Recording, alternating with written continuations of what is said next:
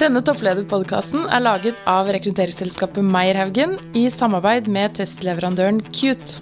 Vi er for det første veldig stolt av det oppdraget som vi har. ikke sant? Det å binde sammen Norge og gjøre det mulig at folk kan bo og faktisk eh, drive verdiskapning på forskjellige plasser i Norge. Og, kan faktisk ta hele landet i bruk. sånn at eh, jeg syns jo det er det mest genuine med Widerøe. Det er jo at vi er en eh, bindeledd mellom distrikter og, og bysentrum.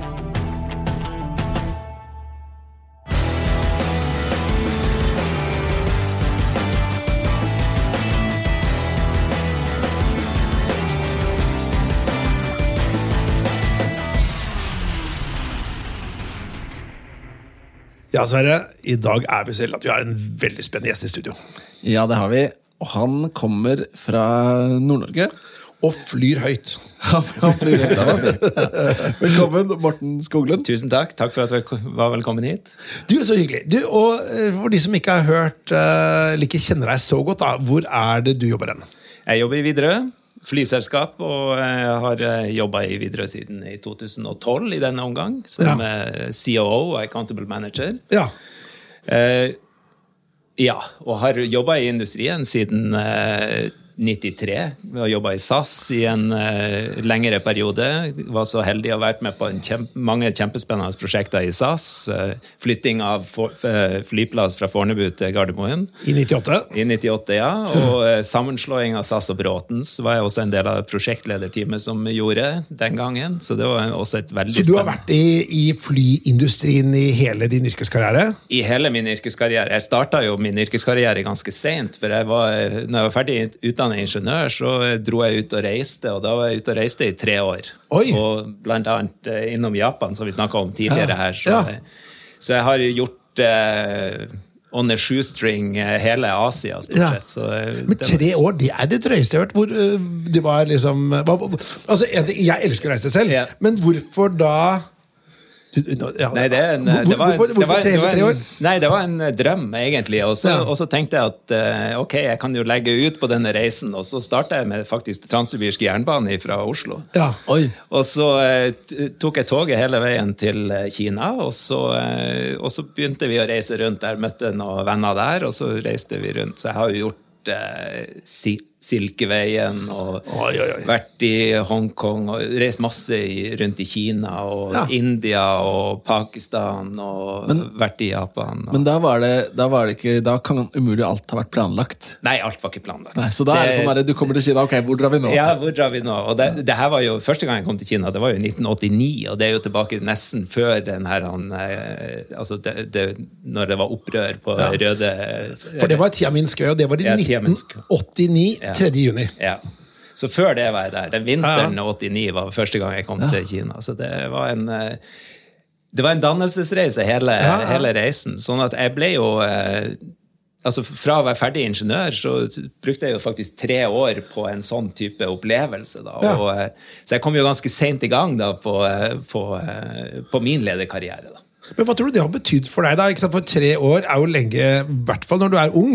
Ja. Å reise så må det ha vært ekstreme inntrykk. Var... Ja, det her var jo en eh, var fantastisk uh, måte å bli kjent med kulturer og plasser. Det, det får jo liksom utforska uh, altså Nysgjerrigheta di blir jo satt på prøve hele tida. Og, du får jo så mye inntrykk, vet du. Så du er jo, du, noen ganger så blir det overload, så da trenger man bare å trekke seg tilbake og filosofere. Og hva, hva er det vi har vært igjennom nå? ikke sant? Ja, For du lærer jo ganske helt... mye om deg selv òg, da, ville jeg tenkt?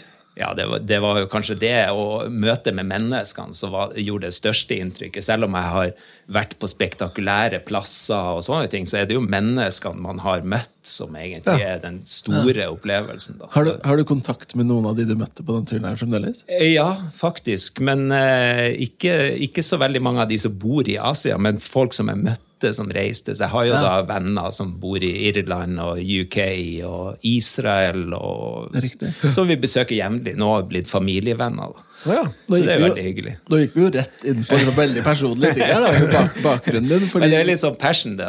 ja, vi pleier å snakke om det, for da, ja. da er jo liksom det naturlige oppfølgingsspørsmålet Denne denne vagabonden eller eventyreren, har han reist fra seg, eller er det fremdeles liksom en greie? Det er jo fremdeles en, en greie, men, men det er jo klart at det har jo blitt tona veldig ned. Jeg har jo tross alt familiefar, og, men jeg har vært veldig opptatt Jeg har to tenåringsdøtre og veldig opptatt av at de skal få lov å være med ut på reiser og oppleve ja, verden sånn som den er, ikke sant? Og ikke, ikke bare være hjemme i trygge Norge og så, og så oppleve Oslo vestkant. Ja, ja. Men det, jeg, jeg, tenker, jeg har jo reist, ikke i nærheten så mye som du har gjort, åpenbart, men jeg har reist litt. da.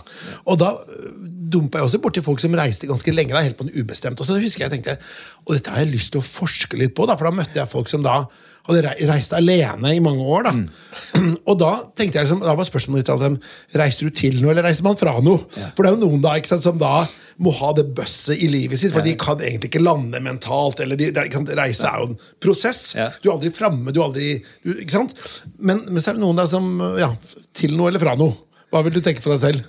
Nei, jeg tenker at det var til nå, tenker jeg, men, men samtidig, så- det der med prosess kjenner jeg jo igjen. Og det er klart at det er jo noe man tar med seg hele tida, for egentlig livet er jo en reise også i dag, ikke sant? Når vi er i den jobbsituasjonen vi er i, og i, eh, i, ja, i situasjoner. Så, så jeg tenker at det å reise til noe, så er det i hvert fall Og det å oppleve noe og være nysgjerrig på ting som du ikke vet noe om, da.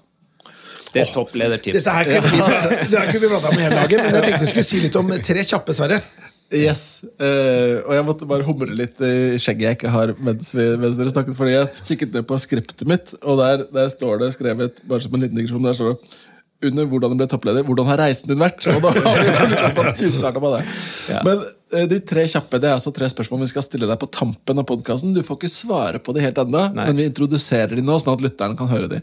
Okay. Og det er da, for det første, eh, hvilke tips har du til nye toppledere? Altså litt sånn, Hvis du kunne gitt deg selv et tips når du ble toppleder, basert på hva du har lært. da. Det er nummer én. Nummer to er hvor henter du selv faglig inspirasjon? Og så er nummer tre sendt videre fra Eskil Andersen i Nordic Office of Architecture. Eh, og han lurer på hvordan jobber du konkret for å skape mest mulig inspirasjon i organisasjonen og få folk med deg. Så det skal vi komme tilbake til på slutten. Og det gleder jeg meg til. Og så kan dere som lytter Gode kan- spørsmål. Ja, ikke sant? Ja. Og dere som lytter kan så tenke ok, hvordan hadde jeg svart hvis jeg hadde fått disse spørsmålene, da. Men du, vi tenkte jo skal prate om topplederskap, men vi har også lyst til å prate litt om Widerøe. Mm. For Widerøe, det er alle som altså I min første jobb jeg hadde i Arbeidsdirektoratet, så reiste jeg rundt nesten til hver kommune i Norge. Ja. Og har flydd masse Widerøe. Og jeg husker det var en gang da var flyet forsinket, et Widerøe-fly, for de kom fra en annen rullebane, og på grunn av at det var for mye tang på rullebanen, Det var det flyet ble forsinket, og da står været på i Nord-Norge. Så og alle har jo da hatt disse Twin Otter-opplevelsene og Dash eh, altså der, Og det er som en sånn der, en, det er en så viktig del av infrastrukturen, i hvert fall i Nord-Norge og til dels Vestlandet. Ja, det er, veldig, det er veldig viktig. Og vi er, jo, vi er for det første veldig stolt av det oppdraget som vi har. ikke sant? Det å binde sammen Norge og gjøre det mulig at folk kan bo og, og faktisk eh, drive verdiskapning på forskjellige plasser i Norge. Og, og kan faktisk ta hele landet i bruk. sånn at eh, jeg syns jo det er det mest genuine med Widerøe. Det er jo at vi er en eh, bindeledd mellom distrikter og, eh, og bysentrum.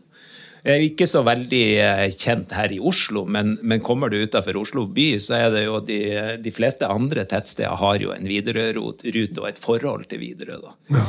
Vi flyr jo på eh, rundt 50 destinasjoner, så vi er jo i antall flybevegelser så er vi jo Norges største, selv når det ikke er korona. da. Så vi Men dere flyr til Notodden, gjør dere ikke det? vi gjorde det før. Ja, for det har jeg sett. for det er så, Jeg kommer fra Notodden. Ikke for å skryte, men jeg kommer fra Notodden. Ja, Der er det flyplass. Og der er det flyplass, men der har jeg også jeg har vært på Flesland, tror jeg. Der har det stått sånn derre til Stavanger, altså til Notodden. Det syns jeg er Ja. morsomt. da, vet du. Ja, vi fløy jo til Notodden eh, tidligere, så det var jo ikke noe eh, Det var nok eh, mer av kommersielle grunner vi landet den flyplassen etter hvert. Så. Men Ja, fordi det er jo, Som Petter sier, så er det, dere er jo en del av en infrastruktur. Fordi det, Du kan si liksom hva du vil om flyvning. og sånn. Mine barn nå er mye mer bevisste at vi må ikke reise, vi må ikke dra til Syden osv. Ja. bærekraftsperspektiv. Men, men her handler det jo om noe litt annet. Ja, jeg tenker jo at vi, vi er litt sånn kollektivtrafikken i, eh, i Oslo for, for distriktene. Altså, det er jo lange distanser i Norge, og det er jo, det er jo ikke alltid i luftlinje, men pga. fjorder og fjell og sånne ting, så, så gjør det jo det mye enklere å fly. Vi har jo De korteste rutene våre er jo bare på 20 minutter. Ja. Men det betyr jo at det tar flere timer å kjøre. ikke sant? Og det er fra Bodø ut i Lofoten, eller? Nei, du har jo f.eks. Vadsø-Kirkenes, Ja. er der du må inn og kjøre. Det, det liksom er på flight level i syv minutter før du begynner nedstigning igjen. ikke sant? Så, så det, det er mange sånne type destinasjoner som er liksom sperra av av eh, fjorder og fjell. da. Hvor, hvor mange avganger, plasser Nei, vi, vi flyr jo i Norge, så flyr vi på ca. 47 eh, lufthavner. Ja. Og det er jo, som jeg sa, fra Kristiansand i sør til, eh, til Vadsø, Vardø og Ha- Hammerfest og hele, hele alle småflyplasser i, eh, i Nord-Norge og på Vestlandet. da. Eh, antall avganger om dagen, så har vi jo Vi er jo i en normalsituasjon. altså Nå skal vi jo kanskje snakke litt om covid-19 òg, men f normalt så vil vi ha fløyet ca. 420 flighter om dagen. da. Ja. Så det gjør Det er jo ganske cirka, stort. Ja. Ja, det, det, vi flyr ca. 110 000 flighter i året. da. Ja. Så det er en ganske, ganske vesentlig infrastruktur, og vi har jo mye avganger på, på de små plassene òg, så det, det er veldig bra. Men Morten, du var jo innom det her. Altså, Denne podkasten blir jo tatt opp nå i midten av januar 2021. Og hva skal jeg si? Eh, vi er jo ikke out of the woods enda. Det er ikke Nei. clear blue sky. Nei, altså, vi, vi, altså, jeg vet ikke hvor mye dere har lyst til å prate om, for det kunne vi ha brukt en hel podkast på, tenker jeg, å prate om covid-19 og hvordan selskapene selskaper skal komme seg ut av det. Men, men det er jo en situasjon nå der bare i Europa, da, hvis vi tar det store bildet, så er det jo sånn at eh, normalt sett så er det 25 000 flighter i, i, om dagen i Europa, og nå er vi nede i 10 000. ikke sant? Rundt omkring i verden så står det ca. 16 000 fly plassert på forskjellige flyplasser i verden som ikke er ute og flyr. ikke sant? Så, og det er jo nesten over 50% av flyflåten i verden står. Eh, og vi har jo selskaper i våre nære virksomhet, sånn som SAS og Norwegian, som, eh, som har ca. 150 fly i sin flåte og flyr kanskje 6 til 20 fly. ikke sant? Og så har du et mindre selskap som Widerøe, som har da 44 fly, og vi, vi engasjerer ca. 30 av våre fly i drift akkurat nå. Da. Så vi er vel kanskje av at vi er en nisje der det ikke kreves så mye passasjerer for å fly, så har vi redusert vår produksjon med ca. 30 tenker jeg. ja, Men snittet er 60. Basert Snittet er 60, ja. Basert på de tallene Ja, du sier. da. Ja. Så, så, så industrien har sliter jo. Og, eh, og det er klart at den recovery-fasen som vi ikke helt vet når den begynner, den vil jo bli veldig spennende. Og det vil jo også gi noen muligheter, men, og det er klart at det vil være mye utfordringer for de som står helt i ro i dag. Da. Ja. Men hvis du da skal For temaet vi tenker nå, da, det er jo vi skal prate om videre, vi skal prate om toppledelse, Mm. men vi, vi kan jo ikke Vi må jo prate om den store elefanten i rommet, som vi nå akkurat gjør. da. Ja.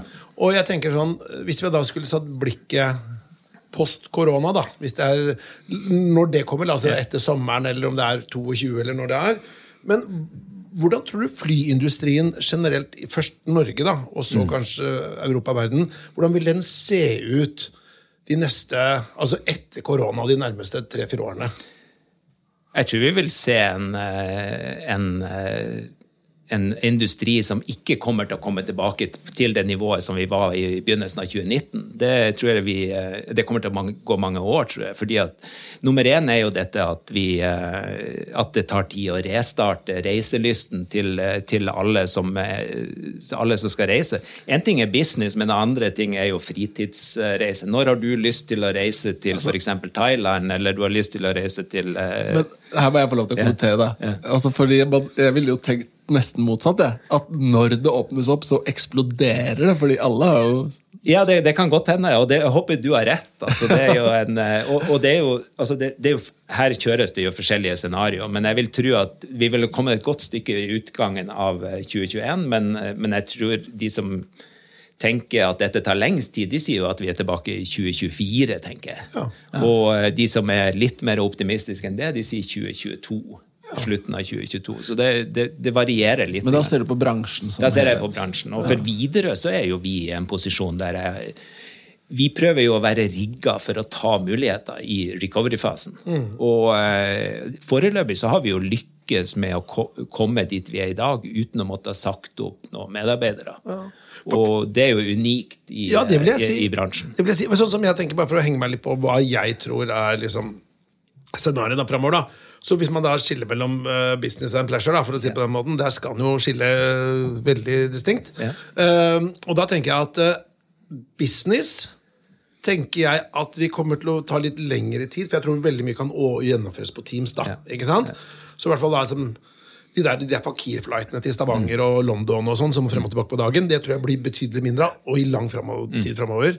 Men jeg kan ikke sitte i basseng på Teams. Nei, jeg kan ikke være i Thailand på Teams. Jeg, og takk for pris for det. Ja, ikke sant?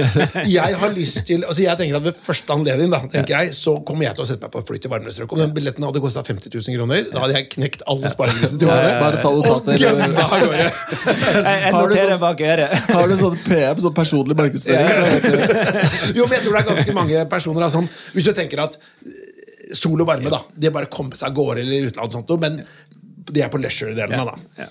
Men det er klart at jeg, jeg håper jo du har rett, og det er klart at jeg er kanskje prega av at vi står midt i koronaen og vi jobber daglig med å være mest mulig fleksibel i forhold til de tiltakene som myndighetene setter inn akkurat nå. ikke sant? Og så er jo spørsmålet hvor, hvor lang tid tar det før vi kommer tilbake igjen. ikke sant?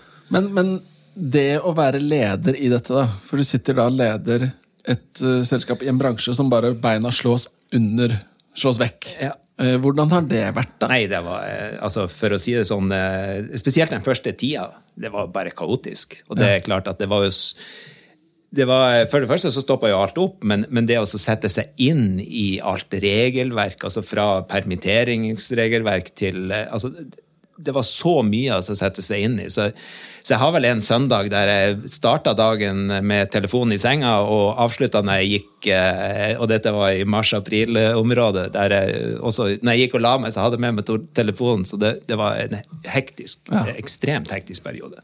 Og det handla jo om bare å prøve å gjøre de riktige kommersielle tilpasningene av selskapet så fort som mulig. ikke sant?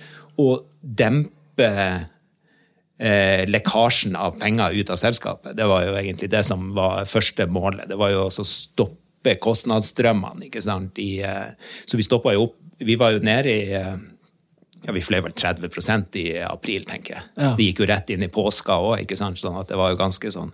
Men det var vel en påske så jeg jobba hele, gjennom, gjennom hele påska. Så Men var du redd for at Widerøe kunne gå konkurs?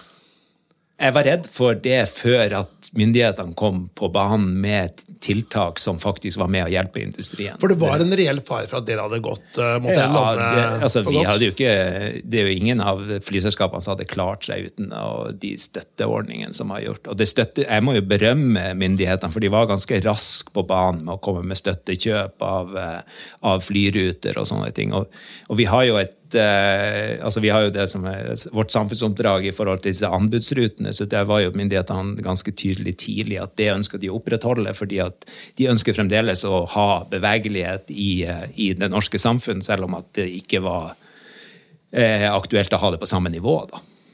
Hva, hva var de vanskeligste valga du måtte ta da, oppi dette?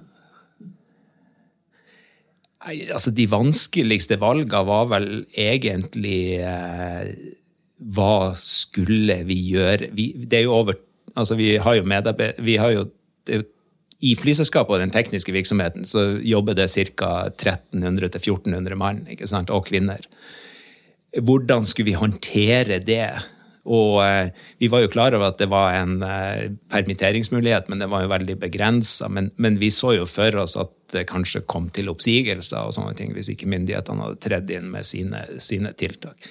Så vi, så vi begynte jo å planlegge for eventuelle oppsigelser, og det er jo vanskelige valg når du står i Spesielt i et selskap der man føler man kjenner de fleste og, og har, har gode relasjoner til fagforeninger og sånne ting. Så ja, det var en, eh, det var en ganske sånn eh, hektisk eh, periode, men, men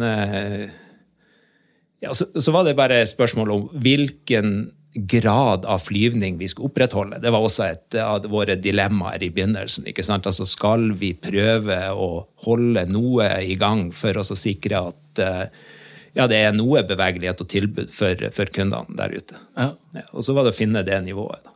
Og jeg tenker at det som må Altså Den der coviden den kom jo litt uh, ubeleilig da, for mange, for å si det som en århundres understatement. Um, men la oss si at det ikke hadde vært covid. da. La oss si at det hadde vært business as usual. Så ville likevel eller, det være en viss press på dette med fly. Det var jo store kampanjer mot flyindustrien tidligere også. Så hva tenker du rundt akkurat det miljøaspektet? Det der med at nå skal man reise mindre med fossil brennstoff? og sånn. Hva, hva tenker du rundt akkurat den, eh, det med bærekraftsdelen oppi dette?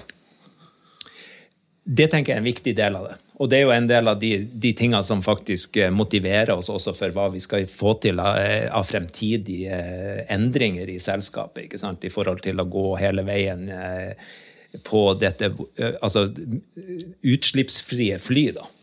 Sånn at, så det er helt klart en det, Selv om det var et press på den type eh, eh, altså den type spørsmål i flyindustrien, og det var jo avgifter og sånne ting, så, så, så føler jeg at vi på mange måter, i hvert fall i store deler av vårt nettverk, er innenfor en nisje der vi faktisk er et eh, kollektivtilbud til, de, til distriktene. Sånn at det tilbudet er vi ganske trygge på at det kommer til å opprettholdes. Og så er det heller spørsmål hvilke type fly kommer vi til å ha i fremtida til å fly disse flyrutene. Det er jo et spørsmål som vi baler med akkurat for øyeblikket, ikke sant? for oss, for oss å se hvordan hvordan skal den nye teknologien, spesielt motorteknologi og sånne ting, hva skal være drivkreftene på de nye, nye flyene som kommer ikke sant, i, i fremtida? Altså, vår største forurensning er jo utslipp ved flyvning, og det er jo CO2, altså fuelforbruket i, på de flymotorene som vi har i dag, som er fossilt. eh, Og da, det er klart at det å være med å løse den delen av eh, miljøutfordringa, det er veldig interessant for videre. Hvor tror du løsningen ligger der? da? Er det batteridrevne fly på kortere avstander, sånn som dere gjør, eller hva tenker du? Om det kommer et fullt eh, Om det skal være rene batteri, det er jeg faktisk litt usikker på akkurat for øyeblikket. For akkurat nå så er det litt tidlig i prosessen til å konkludere. Vi, vi har jo starta et samarbeid med, med Rolls-Royce eh, og, og prøver gjennom dem, for de er veldig gode på, på dette med motorteknologi og sånne ting. Sånn at vi prøver gjennom dem og andre eh, flyprodusenter. da og, og skape en arena der vi prøver å finne frem til hva skal være drivmotoren til det nye flyet. Hva skal være, hvilken kombinasjon skal det være? Skal det være noe hydrogen, eller skal det være, skal det være fullelektrisk og, og sånne ting? Men hvis du skulle spådd da, hvis du skulle spådd flyindustrien om la oss si ti år, da. Eh, hvordan, eh, både på teknologisiden, men brukssiden, hvordan, hvordan tror du det ser ut i verden da, på, på fly? Det kommer til å bli tatt opp igjen om ti år, så kommer folk til å le av deg. Eller hylle deg som en visjonær leder. Ja, ikke sant. Nei, men, men, men jeg, jeg tror innenfor den kategorien flyvninger som foregår på kortbanenettet, så vil det være en type elektrifisering av flyene. Eh, Om de er kommet like langt på de større flyene, det, det er veldig vanskelig å si akkurat nå. Det er ikke kommet, Jeg syns ikke det er, det er kommet så langt at man kan si hvilket årstall det kommer til å bli For implementert. er, finnes det noe Det er noen som tester på elfly? Ja, ja, ja. Og eh, vi har jo, eh, det har jo vært elfly i Norge, men det er jo sånn tomannsfly. ikke sant? Og, og det er klart at det er jo En ting er jo også å ha testfly, men å drive flyvning med kommersiell flyvning, da, der du skal ha passasjerer om bord, og sånne ting, det stiller helt andre krav til, fly, til flyene enn at man tester ut en to, toseter med elmotorer. Ja, ja. Så det kommer jo litt an på lovgivning, det kommer an på regulering i, altså statlige reguleringer. Hva er det de aksepterer av risiko, da? For vi er jo i en bransje der det er høy risiko, eh, som vi er vant til å mit, altså, mitigere, som vi kaller det. Altså, eh, sånn at, eh, men, men det er klart at hvis du får elektriske motorer eller andre type, mot, andre type fly inn i bransjen, så vil det jo være nye måter å risikovurdere de på. da. Så normalt sett så tar det jo ti år å utvikle et fly. Det er dagens teknologi. Så, så, eh, så eh, Jeg vet ikke hvor optimistisk jeg skal være i forhold til tiårsperspektivet, men jeg er helt sikker på at det kommer. Ja, ja. Jeg er helt sikker på og Alle i industrien jobber i samme retning. Ja. Ja. Men du, jeg tenker litt sånn Apropos optimisme og personlighet, eh, Sverre. Skulle vi tatt en liten sveip innom det, eller? ja, la oss gjøre det. Realistisk, kanskje. Ja. Ja, det får vi, det får Ja, vi se på snart. Hvis, vi, hvis vi begynner der, da, Morten. Ja. Ehm, nå har jo du delt, eh, delt åpenhjertig både om eh, reise som ung og før du gikk inn i karrieren, og litt sånn hvordan det har vært å være leder i en tøff tid. Ja. Men hvem er Morten? Hvordan er du, hvis du skal beskrive personligheten din? da? Litt sånn åpent. Jeg er nysgjerrig. Jeg er en fyr som får ting gjort. Eh, ikke nødvendigvis alene, men eh, jeg liker å jobbe med mennesker. Jeg er veldig teamorientert og eh, er god på å hente ut det beste i folk, fordi at jeg lar folk være ganske åpne, og lar dem få lov å være ærlige. Og tåle Jeg er mer nysgjerrig på hvorfor du gir meg den tilbakemeldinga, enn måten du gir meg den tilbakemeldinga på. ikke sant? Sånn at jeg prøver liksom å fange opp eh, noe av nyansene i, eh, i de tilbakemeldingene, sånn at jeg faktisk kan være med og bidra til at eh, vi drar i samme retning som team. Ja. Det gjelder både når jeg sitter i en toppledergruppe, eller når jeg sitter med min ledergruppe og styrer flyselskapet og vedlikeholdsorganisasjonen. Så tåler tåle gode diskusjoner. Tåler ganske, ganske mye, tror jeg. Men- Robust, da, kanskje. Det er vel kanskje et ord. ja. Ja. Men hvis, hvis jeg spør deg, da. Uh, personlighet handler jo om liksom sånn, si naturlig væremåte, eller preferert væremåte, og så kan man agere på andre måter. Man kan oppføre seg til det som jobben trengs. da. Ja. Så snakket vi om i stad din reise som leder. Hvilke personlighetstrekk føler du har liksom vært til størst hjelp, og hvilke personlighetstrekk har du måttet jobbe mest med for å komme i den posisjonen du er i i dag? da? Jeg tror eh, det som har vært til størst hjelp, er mitt engasjement og nysgjerrighet og, og sånne ting. Det som har kanskje Altså, det er jo det er spørsmål. Men eh, noe eh, utålmodighet finnes det i kroppen. Det er klart at det Har det vært bra, eller? det, har både, det, har jo, det er klart at det har, vært, det har vært av begge deler. fordi at man ved å være utålmodig noen ganger, så går man glipp av de gode løsningene. Så, eh, så det, det, det kan noen ganger tenke tilbake at man skulle kanskje ha lytta bedre. Men, men det er vel også litt sånn at da får du ting gjort? Ja, Fordi- absolutt. ja. Ja. Så, eh, så jeg tror jeg har en eh, rimelig bra arbeidskapasitet. Ikke fordi at jeg jobber så mange timer, men fordi at jeg klarer å prosessere ganske mange ting i, Ja. gjennom en da, arbeidsdag. Da.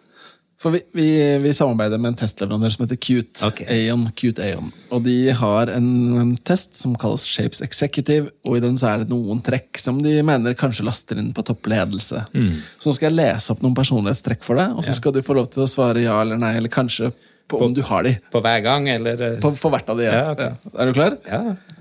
Overbevisende. ja. Hensynsfull. Til dels. Result resultatfokusert. Ja, veldig. Besluttsom. Ja. Teoretisk.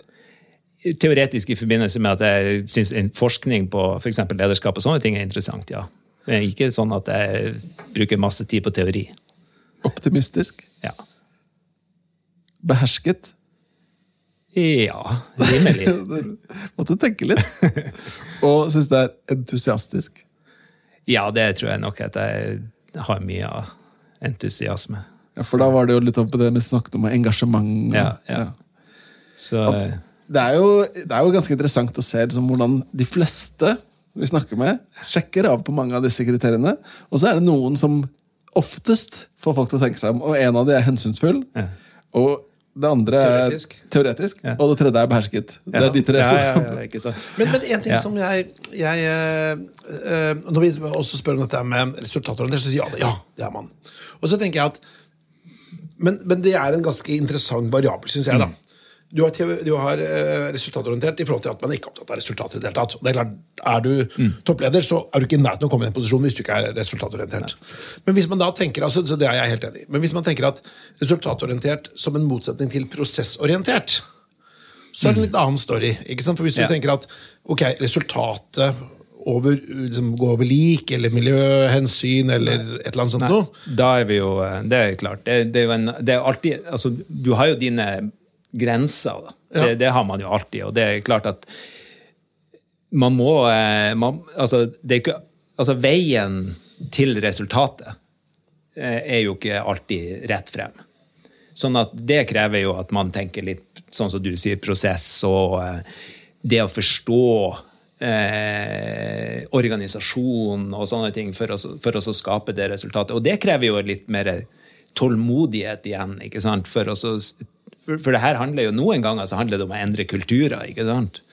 Så, så det synes jeg jo eh, det er jo noe av det interessante med det. det er jo at De spørsmålene dine er jo veldig sånn ja-nei-spørsmål, Ja. men, men det er jo vi kunne sikkert hatt lange diskusjoner om hvert enkelt spørsmål og, og funnet varianter av det i alt, alt vi driver på med. ikke sant? Og nå, er, nå kommer den teoretiske biten fram. Ja, og litt sånn eh, ja, reflekterende. Ja, nysgjerrig, Ja, ja, ja. ja. Så, så jeg syns jo det Og det, det kunne jeg sikkert ha prata mye om, akkurat hvert tema, så det er nok uh... Og så tenker jeg at eh, det med det må være leder. Hvilke av disse egenskapene føler du du har fått mest bruk for, da, som har vært helt avgjørende for å altså For å si det sånn, da. At du må være litt robust for å være leder i flybransjen i dag. Det er vel også en understatement, da. Men hvis du tenker personlig, hvilke personlige egenskaper lener du deg mest på når det blåser? Jeg tror no, noe av det som eh, har vært min forse som leder, det har vært at jeg har vært eh, flink til å gå ut av komfortsonen. Eh, og, og det å liksom eh, også starte ting uten å være helt sikker på om det gir resultater. Men, men, men som leder i en, når du karriereutvikler deg òg, at du tør å si ja til ting som du er ikke helt sikker på om du mestrer, men uh, som regel så mestrer du det når du setter i gang. ikke sant? Så det, en, det tror jeg er en av mine de egenskaper som jeg har drevet med videre. Og så har jeg vært veldig privilegert og fått jobba sammen med veldig mye flinke folk, både i SAS og COC Helikopterservice, som jeg har vært innom, og i Widerøe, som har også vært med å påvirke meg som leder. Og, og det behøver ikke nødvendigvis være andre ledere, det kan være medarbeidere som eh, reflekterer over at det der var jo gode ting å ha med seg av verdier og sånne ting. Da. Men, men dette å gå utenfor komfortsonen Når man snakker om det, så ligger det jo noe ydmykhet i det. Eh, og så er det naturlig på en reise, som vi har snakket om. når vi gjentar denne reisen her, da. Men nå, da, eller i den jobben du har i dag, hender det at du må gå utenfor komfortsonen der, eller er det liksom er det mest i disse skiftene dette kommer? Nei, altså det er jo eh, Det det er jo ikke eh, Nei, du må utafor komfortsonen også nå. Du må, du må tørre å eh, ta organisasjonen med på en reise som du ikke er helt sikker på. Du må tørre å gå inn og se gjør vi det på den smarteste måten her. ikke sant? Og så må du tørre å være en driver av endringsprosesser som du ikke er helt sikker på om du eh, lykkes med, eller fordi at kultur eh, er et veldig sterkt begrep, Ja. også innenfor flyindustrien. Ja. Eh, Sånn at det å endre kulturer, det, det er ikke gjort på en dag. Men sier du da, og dette det er veldig interessant, men sier du da at egentlig så må du liksom Du må ta et valg, og så må du gå for det og liksom stå for det? Er det det det, er det, det, det ligger i?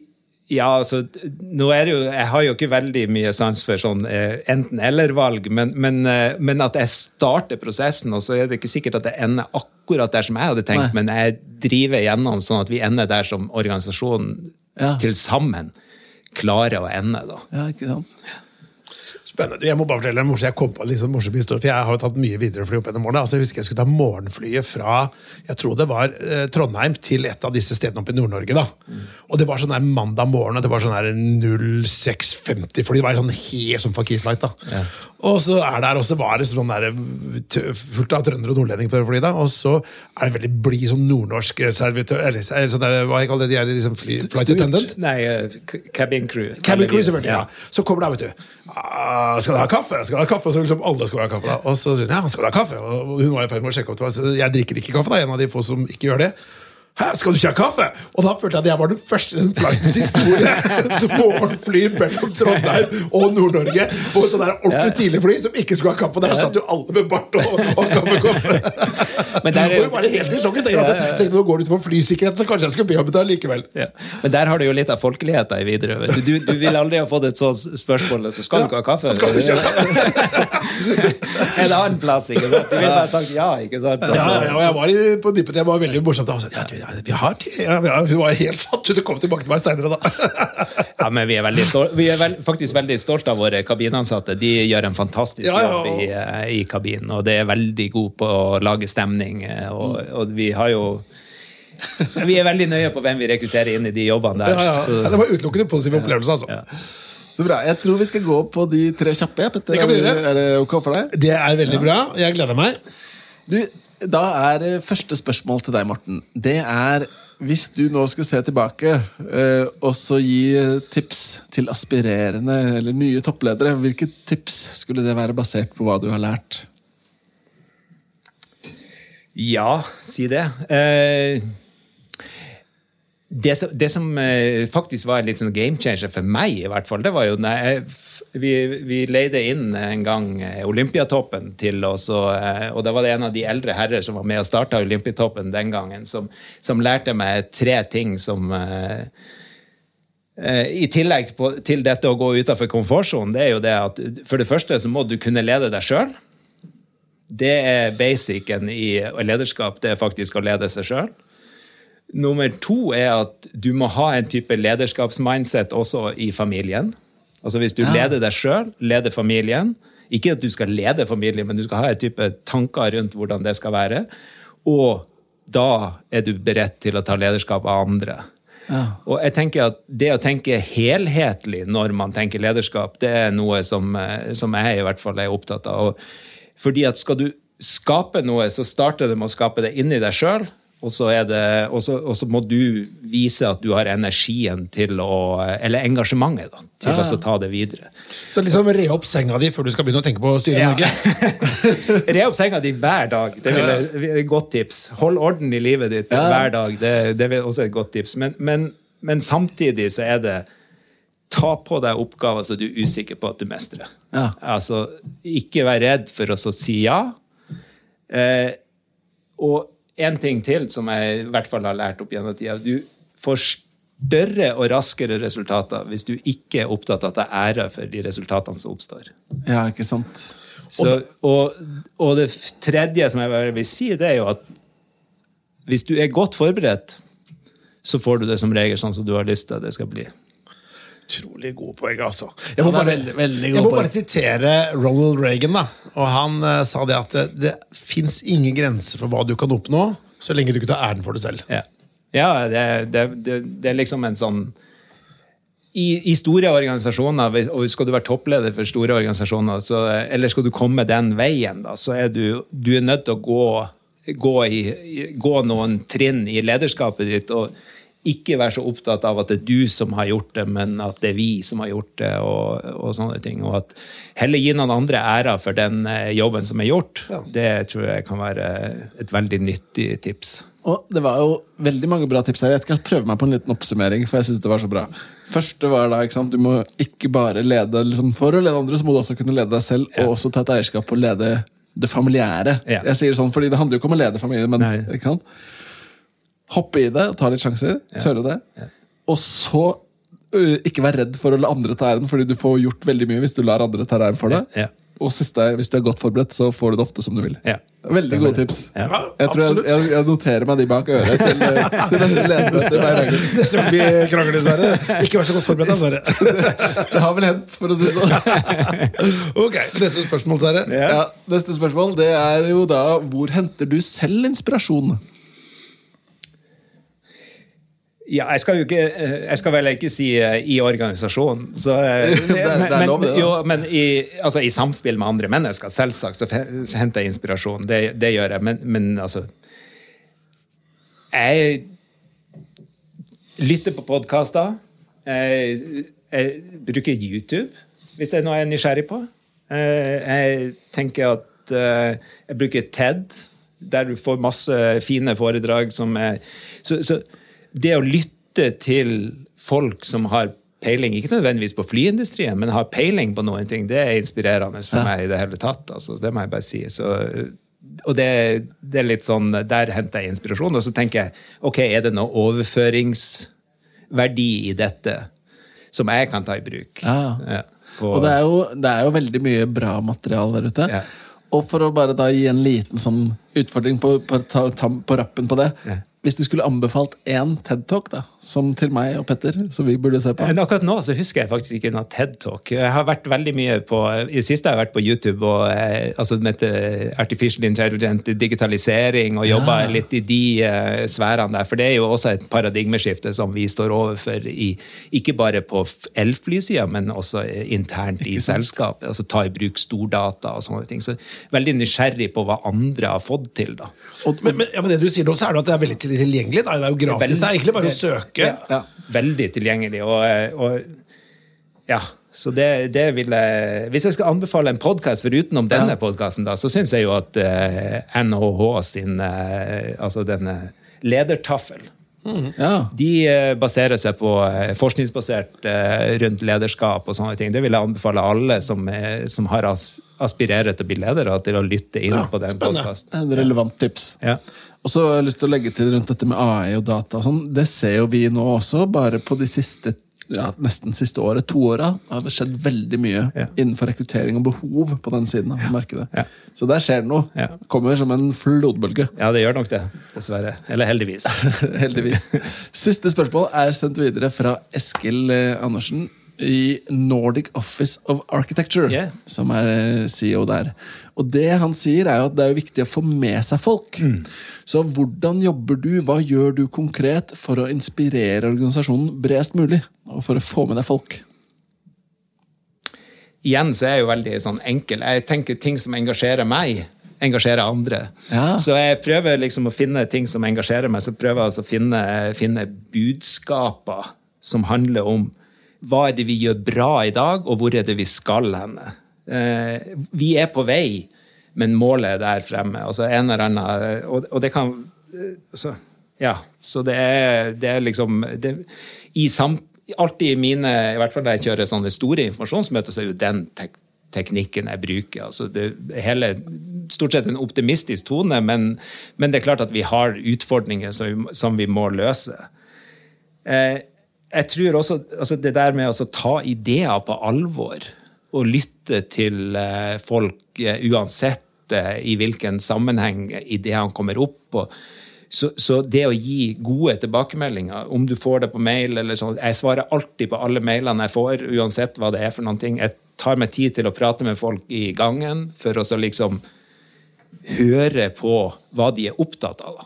Og, og det tror jeg er en i hvert fall når du skal inspirere på et senere tidspunkt i større forsamlinger, så har du danna et grunnlag og en tillit for å kunne eh, For å inspirere, da. Ja, For du forstår litt sånn hva de, Hva de, hva de hva de tenker, og hvordan de Hvilken Hvilken knapper du skal trykke på, eller sånn, liksom, hvilket register skal du bruke av følelser for å få, få dette til. Da. Men det er, jeg synes det er et veldig godt tips, og det er et veldig godt tips. Vi bruker det jo rett som det er vi selv, Petter, i kommunikasjon. Når vi snakker om hvordan skal vi skrive en god stillingsannonse. Mm. Hvis jeg skal prøve å snakke om visjonen i et selskap på en god måte. Ja. Hvis ikke jeg kjenner noe selv, Ja. så kjenner ikke de det heller. Jeg, må, jeg må klare å finne det selv, da. Ja, ja, ja. Så finne hva inspirerer meg. Ja.